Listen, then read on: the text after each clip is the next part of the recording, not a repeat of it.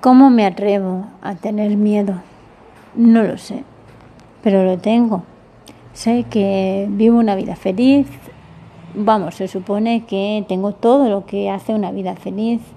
Marido, familia, una casa, agua corriente, seguridad en las calles y eh, como mujer tengo comida, trabajo, tengo lo mínimo para, para, pasar el mes y a veces, incluso a veces sobra un poquito, puedo irme de vacaciones, tengo una vida absolutamente normal y que debería ser una balsa de aceite.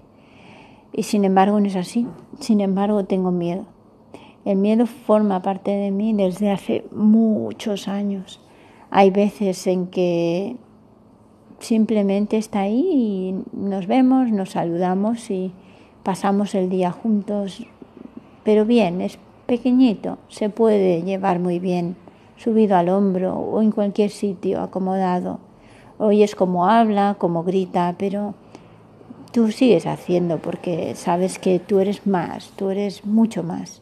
Pero hay veces en que crece, se hace tan grande que su sombra te engulle.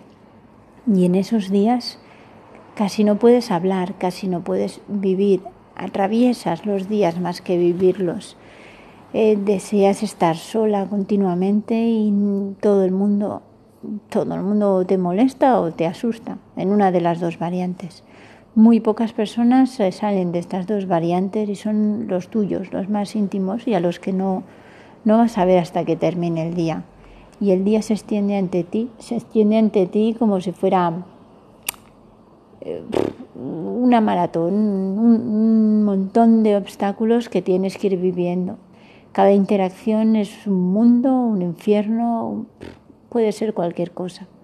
Puede ser que salga bien, entre comillas, eh, simplemente te actúes normalmente y actúen contigo normalmente e incluso tengas un poco de paz momentánea porque puedas vivir el momento de esa interacción o puede ser que sea un desastre absoluto porque evidentemente tu miedo refleja el miedo de la otra persona y todo, todo se estropea, todo, toda la interacción simplemente retroalimenta el bucle de mi miedo.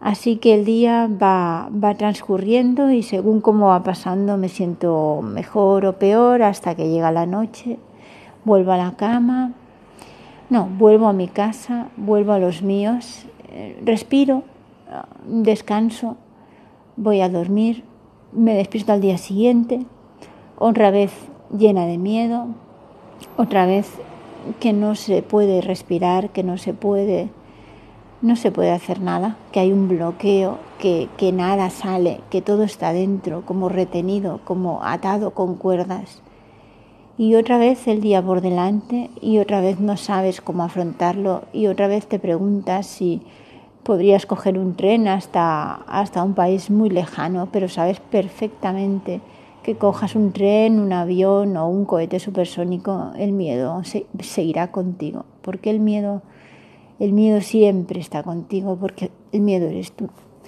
y lo sabes, y sabes todas las lecciones, y sabes todos los libros, y te has leído todo, y has escuchado mil YouTubes y 200 podcasts, y millones y millones de palabras, informaciones.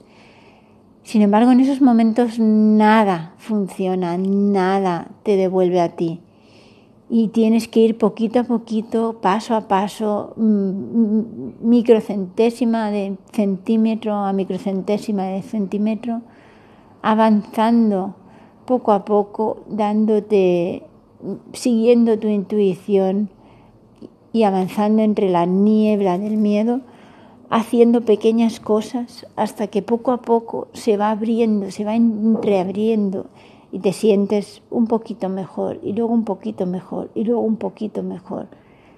Y entonces poco a poco la niebla se retira y vuelve al sitio de donde salió. Y tú te quedas pensando, ¿cómo pude sentirme así? ¿Cómo dejé que me apoderara tanto? ¿Cómo puede ser si yo sé quién soy y yo sé quién es el miedo? Pero lo piensas porque, porque la niebla ya no está ahí.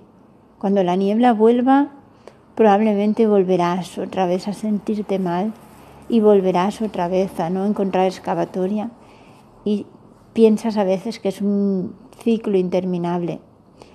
Pero yo sé que no, que no es un ciclo interminable. También sé que ha cambiado y que del, del miedo absoluto de hace muchos años, ahora es un miedo más, más pequeño, aunque aún su sombra me tape, es más pequeño.